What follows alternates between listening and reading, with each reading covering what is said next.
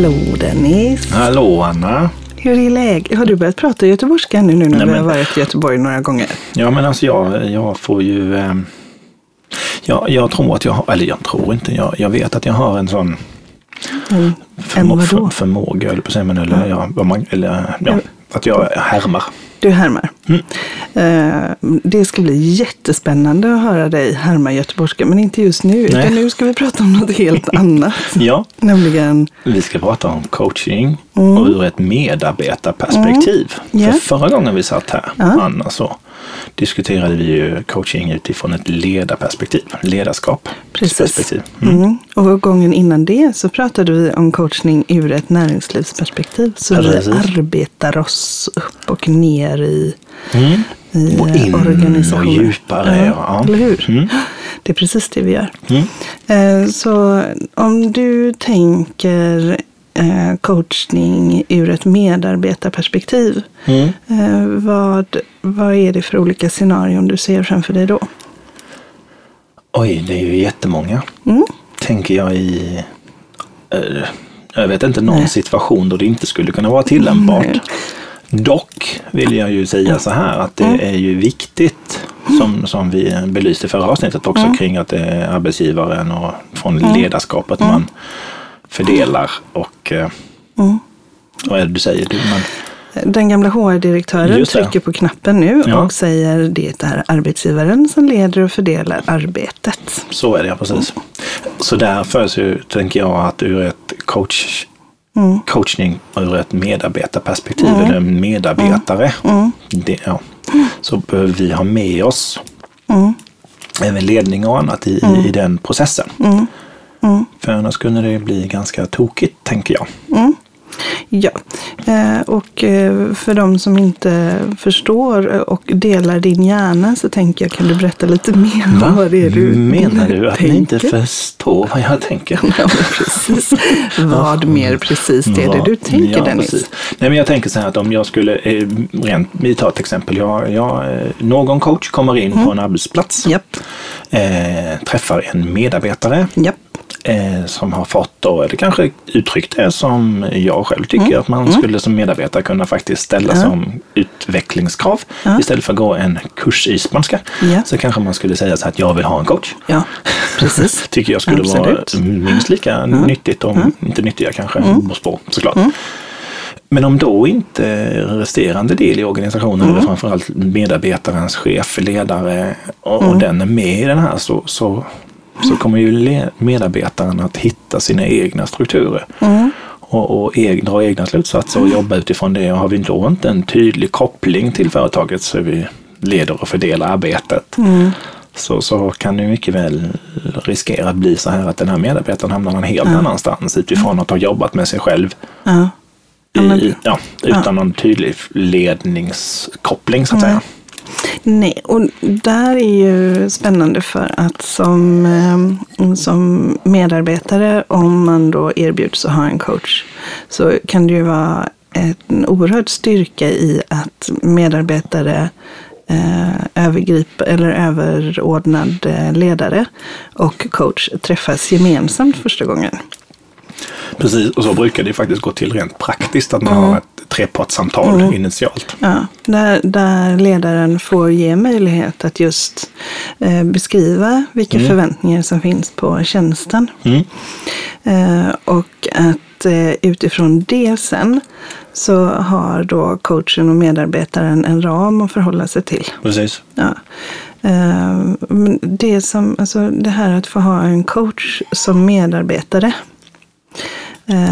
och ha någon som helt opartiskt är med dig Mm. eh, och hjälper dig att komma till din fulla potential. Wow! Tänker jag. Eh, och känner jag hela magen, hela systemet eh, säger det. Och, och koppla tillbaks till det här som vi har pratat om i, i alla våra avsnitt, Anna. Med, med Gallups undersökningar, medarbetarengagemang och alltihopa det här. Och, och, Som vi diskuterade vid förra tillfället med ledarskapscoaching och hur, hur man kan ha ett coachande ledarskap. Mm. Men att vara coach utifrån ett ICF-perspektiv och Ja. ledare kontra Därför när vi går in, som en, när, du, när du anlitar en professionellt utbildad coach, så, så eh, finns det ju ramar där. Ja. ICF vi har ju våra kärnkompetenser och, kring etiska riktlinjer och kring inte minst att det, det här handlar inte om mig. Nej. Så som coach så går du ju in helt utan agenda. Jag har... Eh, jag, Utan egen agenda ska jag utan säga. egen mm, agenda, mm. ja. ja. Och, och det här att det faktiskt är skillnad att prata med sin, eh, sin chef, även om den chefen har ett coachande förhållningssätt, eller att gå till en opartisk coach. mm. Eh, där har jag ett rätt bra exempel, för jag drar det. Ja, Mm. Eh, Då är det så att jag har ju tidigare varit eh, eh, HR-direktör Just det. med eh, ett gäng människor som jobbade i min organisation. Mm. Eh, Jag tyckte ju redan då, jag tyckte, för det här pratar vi också om i ja vårt ja, första du var avsnitt. grym coach då ju. Jag tyckte att jag var jätteduktig på att coacha. Jag tyckte på riktigt att eh, eh, jag eh, överlämnade ansvaret till medarbetarna att hitta lösningar. Så här, om de kom in till mig med någon form av problemställning så sa jag alltid okej, men kom tillbaka när du har två alternativa vägar som du tycker att vi kan gå. Och så resonerar vi utifrån det. Så att, eh, det gjorde jag alltid. Och det var din definition av att vara coach då? Ja, Men det var ju själva samtalet runt omkring. Jag ville inte tala om för folk vad de skulle göra, utan jag ville uppmuntra att man skulle hitta sin egen väg och sådär. Eh, Det var en god intention. Ja, men och det funkade ju. Alltså det var ju till, om jag jämför med många andra, så var det ju ett relativt coachande förhållningssätt. Och vi pratade också om helheten och livet och livsbilden och vi pratade om liksom sådär. Eh, Så att när jag slutade i min roll då, eh, för att jag skulle jobba som coach. Och, eh, ja, då var det en av mina medarbetare som frågade om inte hon kunde få ha mig som coach. Ah, Eh, för hon ville fortsätta och ha de här samtalen med mig. Mm. Haha, så lite bra var det nog ändå. Mm. Ja, jo, det Men klart. det som hände, Dennis, vet du vad det var? Nej. Vi hade haft, eller hon hade haft några grejer som hon hade liksom jobbat med. Mm. Eh, och vi, Under tiden du var hennes chef? Ja, precis. Och vi hade kanske haft det här på agendan i två år. Mm. Vi hade vänt och vritt på det på olika sätt. Mm. Och, eh, vi hade jobbat med perspektivförflyttningar. Vi hade gjort jättemycket. Mm. Så. Ehm, och sen så eh, var jag inte längre hennes chef. Mm. Och vi fortsatte prata om det här. Mm. Och löste det på två gånger. Så där ja. För då hade jag inte längre, då var jag inte längre lönesättande. Just det. Eh, Det var inte så att Mm. eh, hennes resultat eller hennes görande eller inte görande Mm. skulle påverka hennes kommande möjligheter. Eh, Allt det där som faktiskt ändå finns när man har en högre position i organisationen Var borta då ja. var ju borta. Mm. Så plötsligt så bara den knuten löste sig. Så bara Mm. whoop, och så var det borta. Precis. Och så flyttade hon till Spanien. Så där ja. Men hade du också innan det, de två samtalen, utbildat dig till coach? Ja. Så det var också en skillnad? Eller? Mm, men jag hade gått, ja, jag hade coachat henne under. Utifrån ett Ja, men när jag coach... var kvar i organisationen Mm. så hade jag ju, och jag var coachutbildad. Okej, okej. Mm. Så jag var coachutbildad och jag gjorde ungefär samma saker Mm. då. Men när jag inte längre fanns kvar i organisationen och jag var inte kopplad till eh, högsta ledningen eller koncernnivån som jag var då. Just. Eh, då när det inte längre fanns så Mm. var det som att hon bara whoop. Så, ja. eh, så att det, det här att, att ha en ledare som är coachande, det är grymt. Yes. Det är jättehärligt. Mm. Och få utvecklas i sin potential. Sen kunde man säkert göra det på ett annat sätt än vad jag gjorde. Ja, ja, såklart. Men, det, Så jag säger inte att jag var en fantastisk, men, men Nej, nej. att ha en, en ledare som, som mm, uppmuntrar att man Mm. utvecklas och undersöker och bygger på sina styrkor, så, det är ju magiskt. Mm.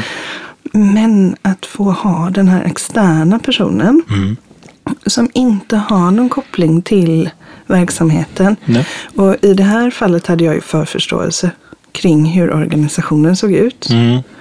Men jag hade eh, det spelade liksom ingen roll Nej. att jag hade den när jag var eh, hade lämnat och när jag var bara coach. För då var jag helt blank, jag var helt värderingsfri.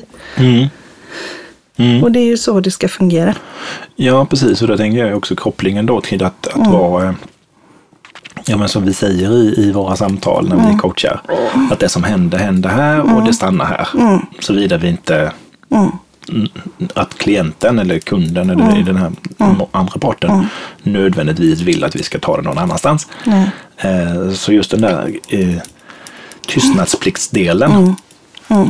Att eh, sitta där och känna att ja, jag kan vara helt transparent.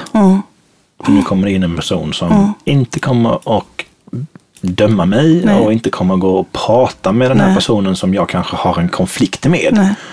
Och nästa kommer- gång det ska vara en omorganisation Ja, eller så, så kommer det här inte vara, vara på fatet. Nej, eller, och det kommer inte att slå mig i nacken i nästa lönerevision för att jag har en whatever. Nej, Mm. precis. Och, och det är ju också så att man kan vara mer öppen, tänker jag, med Mm. hela sin livssituation. Man Ja, kanske absolut. inte vill berätta allting på jobbet. Det kanske, Nej, jag vet, det kan vara saker som man känner Mm. att det här vill jag hålla för mig själv. precis.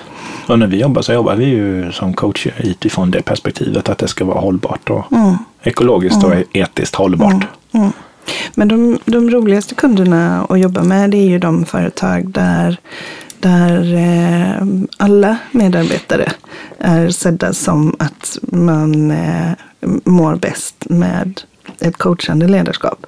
Även cheferna. Så att alla får be, bli bemötta med coachande ledarskap och Ja. där man också kompletterar med coachning. Det är ju jätteroligt. Wow. Har du någon, som den här boken vi refererade till vid förra samtalet vi hade, förra avsnittet, kring eh, It's the manager. Mm. Ja. Finns det någonting i den, nu bara ställer jag en här öppen fråga som jag har ingen aning. Finns det någonstans i den som, där man pratar kring om att de här om, eller de organisationerna som är väldigt, väldigt framgångsrika i ett högt medarbetarengagemang även tar hjälp av externa coacher på det sättet? Ehm, bra. Framgår det? Nej, inte, det gör det ju inte. Men det finns ju eh, andra rapporter som ICF har gjort med Building and Coaching Culture till Mm. Exempel. Som visar på fördelarna med att kombinera ett coachande ledarskap med att Mm. ta in externa coacher och att också jobba med teamcoacher och Mm. sådär. Eh, Eftersom det man får in med en extern part är att man får in nya perspektiv. Mm. Eh, Du, och in- inte genom att coachen talar om vad som gäller på utsidan utan bara genom att coachen väcker nya tankar och vinklingar och sådär. Mm. Vi har ju, det finns ju så, det finns ju eh, så många föreställningar som man har i en organisation. Nej. Jo, Menar du? det. Jag träffade en, en organisation där de sa så här, det är så konstigt för att eh, det är aldrig någon som gör det de ska i den här organisationen. Mhm. Nej, så. Ja. Eh, och det är ju, det, så vi följer aldrig processerna. Mhm. Nej, så. Okej.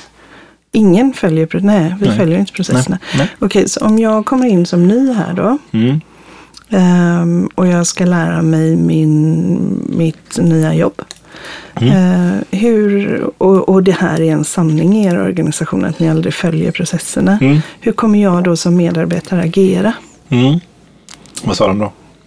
Eh, eh, sa de. Eh, så frågade jag, hur stor sannolikhet är det att just jag kommer att börja följa processerna? Mm. Ja, den är intressant.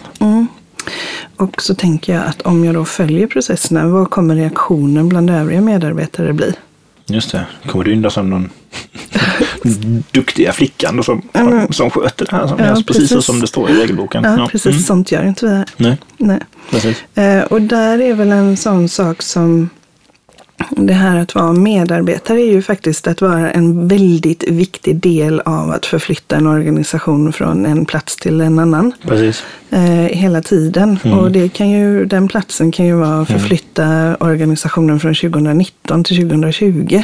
Bara en sån Det sak. behöver ju inte vara att förflytta dem från en medioker organisation till världens bästa. Utan det kan ju bara vara att över tid förflytta organisationen. Vi ska förflytta organisationen genom vinter, vår, sommar, höst, vinter. Mm. Ja. Och det ska vi alla vara delaktiga i att göra. Ja. Eh, Så, så en, en sak som, som är viktig och som jag tänker har blivit ännu tydligare, det är ju att tidigare var ju förväntningarna på en medarbetare att de skulle komma och göra det de skulle göra. Mm. Men nu finns det faktiskt en otrolig potential för medarbetare att ta sitt medarbetarskap på allvar. Mm. Och använda den kompetensen som de har, den, de erfarenheterna och styrkorna de har samlat på sig. Mm. Eh, och eh, vilja välja Mm. att bygga vidare på det. Precis. Eh, jag är övertygad om att vi kommer att se ett helt annat medarbetar, medarbetarskap under det här decenniet. Absolut, det, det, det sker ju den förändringen. Jag tänker på min, en, en, en god vän till mig som jobbade som ekonomidirektör på ett ganska stort bolag. Som, eh, som pratade kring den här frågan. Han sa så här att eh, företag som sätter upp en stämpelklocka vid dörren. De visar tydligt på att här betalar vi dig för den tid du är här.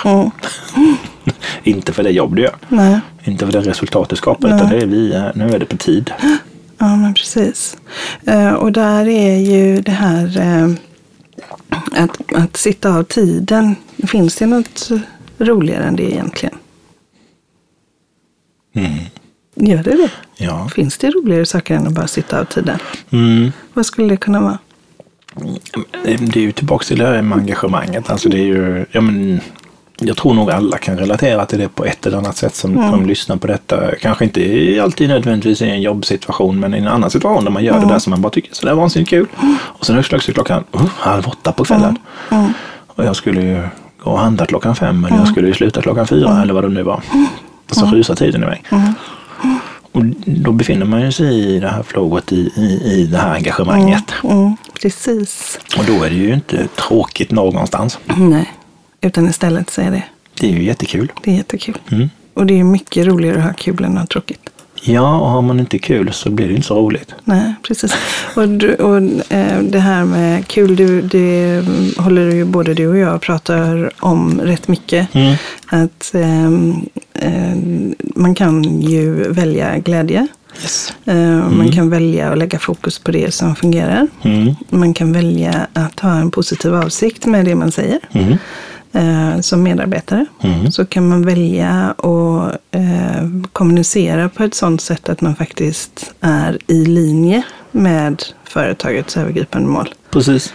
Eh, och sen kan det vara svårt i vissa lägen om man blir detaljstyrd eller om man blir bevakad med glasögonen. Jag ska kolla vad du gör för fel och sådär. Då kan det ju bli väldigt eh, problematiskt. Ja, du tänker på det här mikromanagement. Mm. Precis. Jag tänker också på hur skönt det är att vara i, i en scarf. Ja, Ja. När man är i en scarf, vad är man, alltså, då tänker du inte på den där som man har runt halsen. Nej, men den är också skön. Ja. Ja, men det är inte den jag tänker på. Nej, men vad tänker du på? Eh. Berätta. Jag, eh, jag har hört dig säga det innan och inte haft möjligheten att ställa frågan till dig. Mm. Jag tänker att vi kommer prata ännu mer om scarfen i nästa eh, avsnitt. Så vi kan göra det här som en eh, liten eh, Cliffhanger. cliffhanger, men introduktion. Ja. Ehm, det finns eh, en man som heter David Rock som är från Australien och som har grundat eh, Neuro Leadership Institute. Mm. Eh, han har tagit fram en modell som heter SCARF-modellen. Mm. Och den är baserad på vad är det för några grundläggande behov vi människor har. Mm. Eh, och en sak som vi har då, en, en sak som den här modellen bygger på är att vi hela tiden försöker minimera hot Mm. och maximera belöning. Mm. Och det är en del av vårt sätt att vara, Mm. att göra det. Mm. Mm, En annan sak som modellen bygger på det är att vår hjärna reagerar på samma sätt med, eh, eller sätter ett lika med tecken mellan social, eh, sociala behov och våra primära överlevnadsbehov. Mhm. Mm, Så det är lika viktigt för oss att ha en social tillhörighet Mm. Mm. som det är att äta. Mm. Det finns ju studier som visar det att det, en, en, eh, som jag läste så, kring det här med människor som lever länge. Alltså lång livstid. Ja. Där är ju det sociala sammanhanget den absolut viktigaste ingrediensen. Att du blir sedd och du har, du har en kontext där du befinner dig Ja, i tillsammans med andra människor. Ja, exakt. Och där är Det är ju... viktigare än att det finns ju de som säger att rökning kommer faktiskt längre ner på den skalan. Alltså det, liksom just det. Man kan röka så länge man har kompisar. Äh, det säger jag inte, men, men den, om man nu skulle titta på den statistiken bara övergripande så skulle den säga det. Men, ja, mm. Men det som är roligt med, eh, eller roligt säger jag med det här, men eh, det är ju alltså så att när du har fysisk smärta, när du känner fysisk smärta, så aktiveras samma center i hjärnan som om du har social smärta. Just det. Eh, och, och det handlar om att de här, ja alltså du kan, om du är väldigt, väldigt ledsen eller har väldigt, väldigt ont så kan du ta en Alvedon. Mm. Så är det. Det är, ja, det är samma smärtcenter. Ja. Eh, mindre om detta nu och mer någon annan gång kanske. Ja, ja. Över en kaffe eller så. Men scarf. Scarf-modellen står för de fem eh, behov vi har då. Okej. Sociala behov. Ja, ja, ja. Okej. Mm. Så vi har ett socialt behov av att känna en status. Mhm. Det innebär att jag som medarbetare Mm. har ett eh, behov av att Bli sedd och bli sedd bekräftad. och få Mm. vara en viktig del av någonting viktigt. Mm. Men det gäller ju mina andra medarbetare också. Mm. Så det innebär ju att du vet den här jobbiga personen som kommer och ska ha bekräftelse hela tiden och berättar att hon är så duktig eller han är så duktig. Mm. Mm. Eh, om du ska vara en riktigt schysst medarbetare, Mm. då ska du ge den personen bekräftelse. Ja, för den personen vill ju ha det. Det är det den vill ha. Ja. Den vill få höra att den är en viktig del av någonting viktigt Mm. och att du är viktig här. Och när den då kan få känna att åh, jag är sedd, jag är bekräftad, Mm. då kommer den chilla. Just det. Så som medarbetare så har man ju ett jättestort ansvar att forma organisationen. Mm. Ledare har ju naturligtvis ett superstort ansvar. Mm. Men det är ju färre ledare än vad det är medarbetare. Så som medarbetare har du också ett ansvar Mm. att ta hand om dina medmänniskor. Precis. Och, och vad- ta hand om din flock. Mm. Eh, och, så status är S. C står för certainty. Det handlar om att känna visshet. Att veta vart vi är på väg. Så Mm. som medarbetare så har vi ett behov av att det finns en riktning. Och att, att eh, ledarna i organisationen har tagit fram den här riktningen. Mm. Men vi har också ett ansvar att när din kollega säger, fast vi har ju ingen aning om vart vi är på väg. Jaha, Att säga till den kollegan, just det. vadå? Kollega till kollega då. Ja, kollega till kollega. Mm. Att säga, men de sa ju det här. Just det. Och den här, det här eh, momentet är ju det som ligger i fokus just nu. Just det. Om man känner att man har den informationen. Just det. Då hjälper man ju varandra där. Ja. Mm. Skapa visshet Just det. och skapa trygghet. Eller, eller bara säga så här, men vet du vad? Så här har vi ju haft det tidigare och det har ju alltid blivit bra. Mm. De har ju koll. Precis. Så att skapa den här, alltså vara Chilla lite med det. Ja. Mm. chilla. Mm. Mm. Och sen har vi A som står för autonomi Mm. och förmågan att eh, vårt behov av att faktiskt få vara med och påverka det. och bestämma själv. Mm. Så att när chefen säger eh, du, eh, eh, det här är målsättningen och hur tycker du att vi ska göra det här? Just det. Vara involverad i huret och känna att Men man kan äga det att och vara kunna ta den gåvan då. Mm. Att här blir jag tillfrågad om hur vi ska göra. Vad fint att du säger gåva, tänker jag i det sammanhanget. Ja, men är det inte lite Ja, en det gåva? absolut, absolut. Här ska vi förflytta oss genom det här året också. Mm. Och hur vill du bidra Hur vill med du detta? bidra med det? Ja. Wow. Mm. Och med alla de, alla de? Mm. ja. Ja. men alla de erfarenheter. Ja. Och den har. kompetens som du Mm. faktiskt är tillsatt Ja. för att... Ja. Mm. Vi är du. beroende av. Så att, att verkligen ta den utsträckta handen Mm. och, och välja och bidra med de idéer och tankar som man har. Mm. Wow. Och inse att det är faktiskt ett mänskligt behov jag har också, att få vara med och påverka. Grundläggande mänskliga Grundläggande behov. Mm. mänskligt behov. Mm. Ja. Och då är det lite svårt att sitta på offerkammaren. Ah, du tänker så också. Så man kan ju välja att vara delaktig. Precis. R står för relatedness. Mm. Och det handlar om att eh, känna igen sig i andra. Just det, kunna relatera. Ja. Mm. Ja. Eh, Så att om vi säger att du jobbar i en organisation så kommer det in en ny person. Mm. Då kommer den spontana reaktionen från våra biologiska faktorer så som vi är kopplade. Mm. Då kommer den personen vara ett hot. Just det. Eh, Och så är det automatiskt. Det kan man liksom inte rå för. Nej. Men genom att intressera sig för den personen Mm. och fråga vad den personen eh, har gjort tidigare eller mm, mm, mm. vad den har för intressen eller så. Mm. Så ökar ju sannolikheten att du kan känna igen dig i den personen. Just det, och skapa en acceptans. Ja. För Och det, då är det ju någonting som är fantastiskt för dig. Jag tänker på samma sätt som vi gör när man går där på, på en sandstrand i något främmande land. Mm. Och sen så är tu tre så efter tre, fyra, fem dagar eller veckor man har Ja. varit på semester där Ja. så, så hör man någon som går bredvid högst som pratar svenska. Ja. Och då blir man ju bästa kompis. ja, men precis. Fast på tunnelbanan hemma i Stockholm, då hälsar vi inte på varandra. Nej, nej.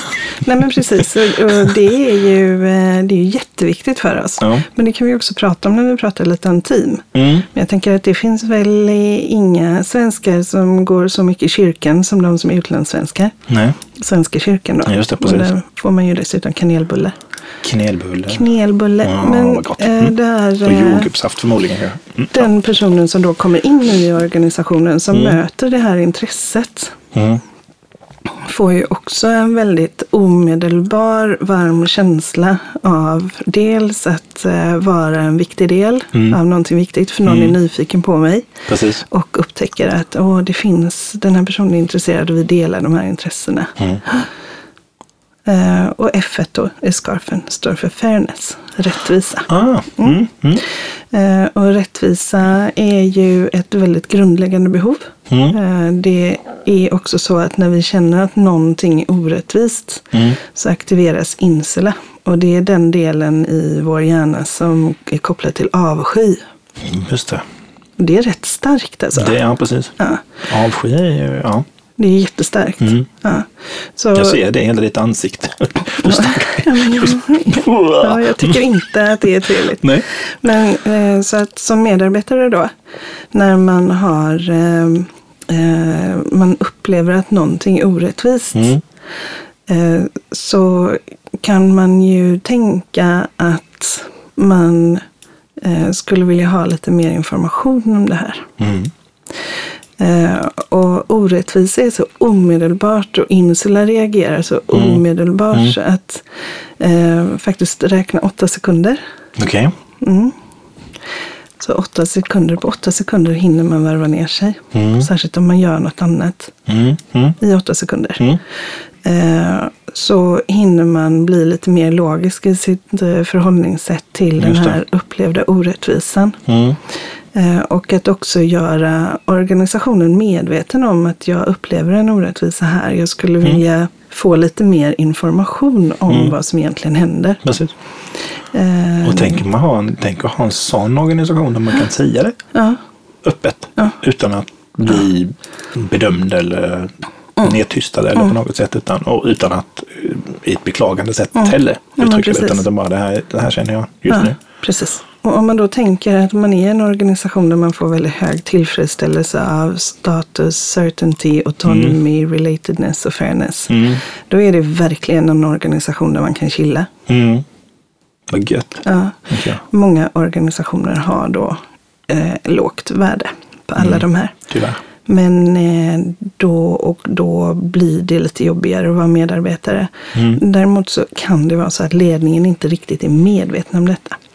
Så man kan i sin dialog med sina chefer också eh, hjälpa deras medvetenhet. Ja, just det.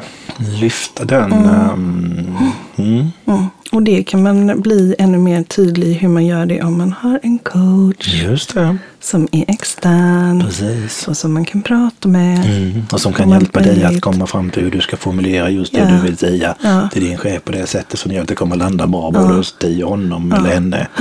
Eller, ja. Mm. Och de flesta gör ju saker av god, med god avsikt. Yes. Så, så det finns väldigt många tillfällen när organisationen eller ja, man är inte ens medveten om att man Mm. har skapat de här. Precis. Förutsättningarna i organisationen. Man är blind, hemmablind helt enkelt. Ja. Eh, Så du kan göra en jätteinsats genom att Var en Tydligare. engagerad medarbetare en i den aspekten. Ja, medarbetare. precis, och ta det ansvaret faktiskt. För att, Ja. Och det tänker jag också att ja, men jag, jag brukar citera den här Kejsarens nya kläder. Mm. också, det, det, det finns ju organisationer som, som kanske är på det sättet också. Mm. Utan, ja, du pratade ju vid eh, nu för förra avsnittet om den rosa elefanten. Ja, just det. Som du sätter in, liksom, att det här är någonting som vi inte riktigt pratar om. Mm. Det var nog förra avsnittet, va? Jag tror Nej, det var för, det. för, nej, för förra. Förrförra, förlåt. Jag Ja, är ju helt ja, förvirrad. ja, ja, det, tiden går så fort när man har kul. så- Ja, precis det. Förrförra. Ja, men att, att den här, ja, vad, vad är den rosa elefanten i rummet? Men att också att, att det har den eh, attityden, miljön, att, Mm. att faktiskt lyfta det här och säga, ja som jag, jag använder kejsarens nya kläder som ett Mm. Ja, men exempel. Mm. Men vänta lite grann, eh, han är ju naken. Och att göra det utifrån ett värdeskapande perspektiv. Så Ja. att man eh, istället för att anklaga Yes. faktiskt säger att Mm. eh, eh, jag upplever att vi gör de här och de här sakerna bra och att Mm. det här hade kunnat addera ytterligare lite krydda. Hur kan vi implementera det? Precis. Eh, och vara innovativ där. Mm. Jag kommer, det får man tänka på när vi pratar om medarbetarperspektivet generellt sett i Mm. en organisation. I det här avsnittet så vet jag en god vän till mig som jobbade för det stora blå företaget IBM Mm. för många, många herrans år sedan. Och det han då sa, eh, han tyckte det, vi, det vi är nog tillbaka på 70-80-talet, eller så. ja, det är länge sedan i alla fall. De hade då i alla fall en filosofi som sa så här att du får ha jätte, alltså vi förväntar oss att du som medarbetare när den, den dagen du tar anställningar har synpunkter, åsikter och idéer. Eh, och en tydlig plan och idé om hur du ska lösa det. Alltså i alla fall en idé om det här Alternativ. problemet. Ja. Du? Om alternativ. Ja, men allt alternativ så är det inte bara att gå in och säga det här funkar inte. Nej. Jag har ingen aning och det är inte min business att, att fixa det. Utan kom in, ha en synpunkt, ha en åsikt. Mm. Den har också en, ett förslag i alla fall. Konstruktivt. Och det tror jag också att skapa det engagemanget. Att ha det Mm. hos medarbetaren. Absolut. Eller som medarbetare, att det här funkar inte. Jag tänker så här. Så det kommer både med båda delar. Då skapar det också en, det kommer ju höja engagemanget om man har den approachen tänker jag. Mm. Jag tänker engagemang och så tänker jag engaged på Mm. engelska. Förlovad tillsammans med någon. Man, förlo- man förlovar sig för varandra. Just det. Så en- engaged och engagement måste ju ha med varandra att göra. Mm. Eh, och då är det ju någon form av förhållande mellan två parter. Mm. Eller fler. Precis. Eh, och, och då är ju eh, medarbetarskapet lika viktigt som ledarskapet, tänker jag. Ja, men så jag tänker så jag, jag kommer osökt in på Stephen Coveys uh, Seven Habits of Highly Effective People. Mm. Och så här med alltså win-win eller no game, eller no deal säger han ju där. Mm. Alltså det, det är win-win, det behöver ju vara win-win från båda håll. Alltså Mm. Ja. alla konstellationer. Ja. Och det som är spännande är ju att när man, man verkligen lyckas få till det här i organisationer, att se att, eh, att man är oerhört intresserad och mottaglig för idéer som kommer ifrån medarbetarna. Då får man ett himla sjung för, eh, på innovation. Just det. Eh, För innovation innebär ju inte bara att komma på nytt. Nej. Utan det handlar ju väldigt mycket om att bygga på redan etablerade styrkor. Mm.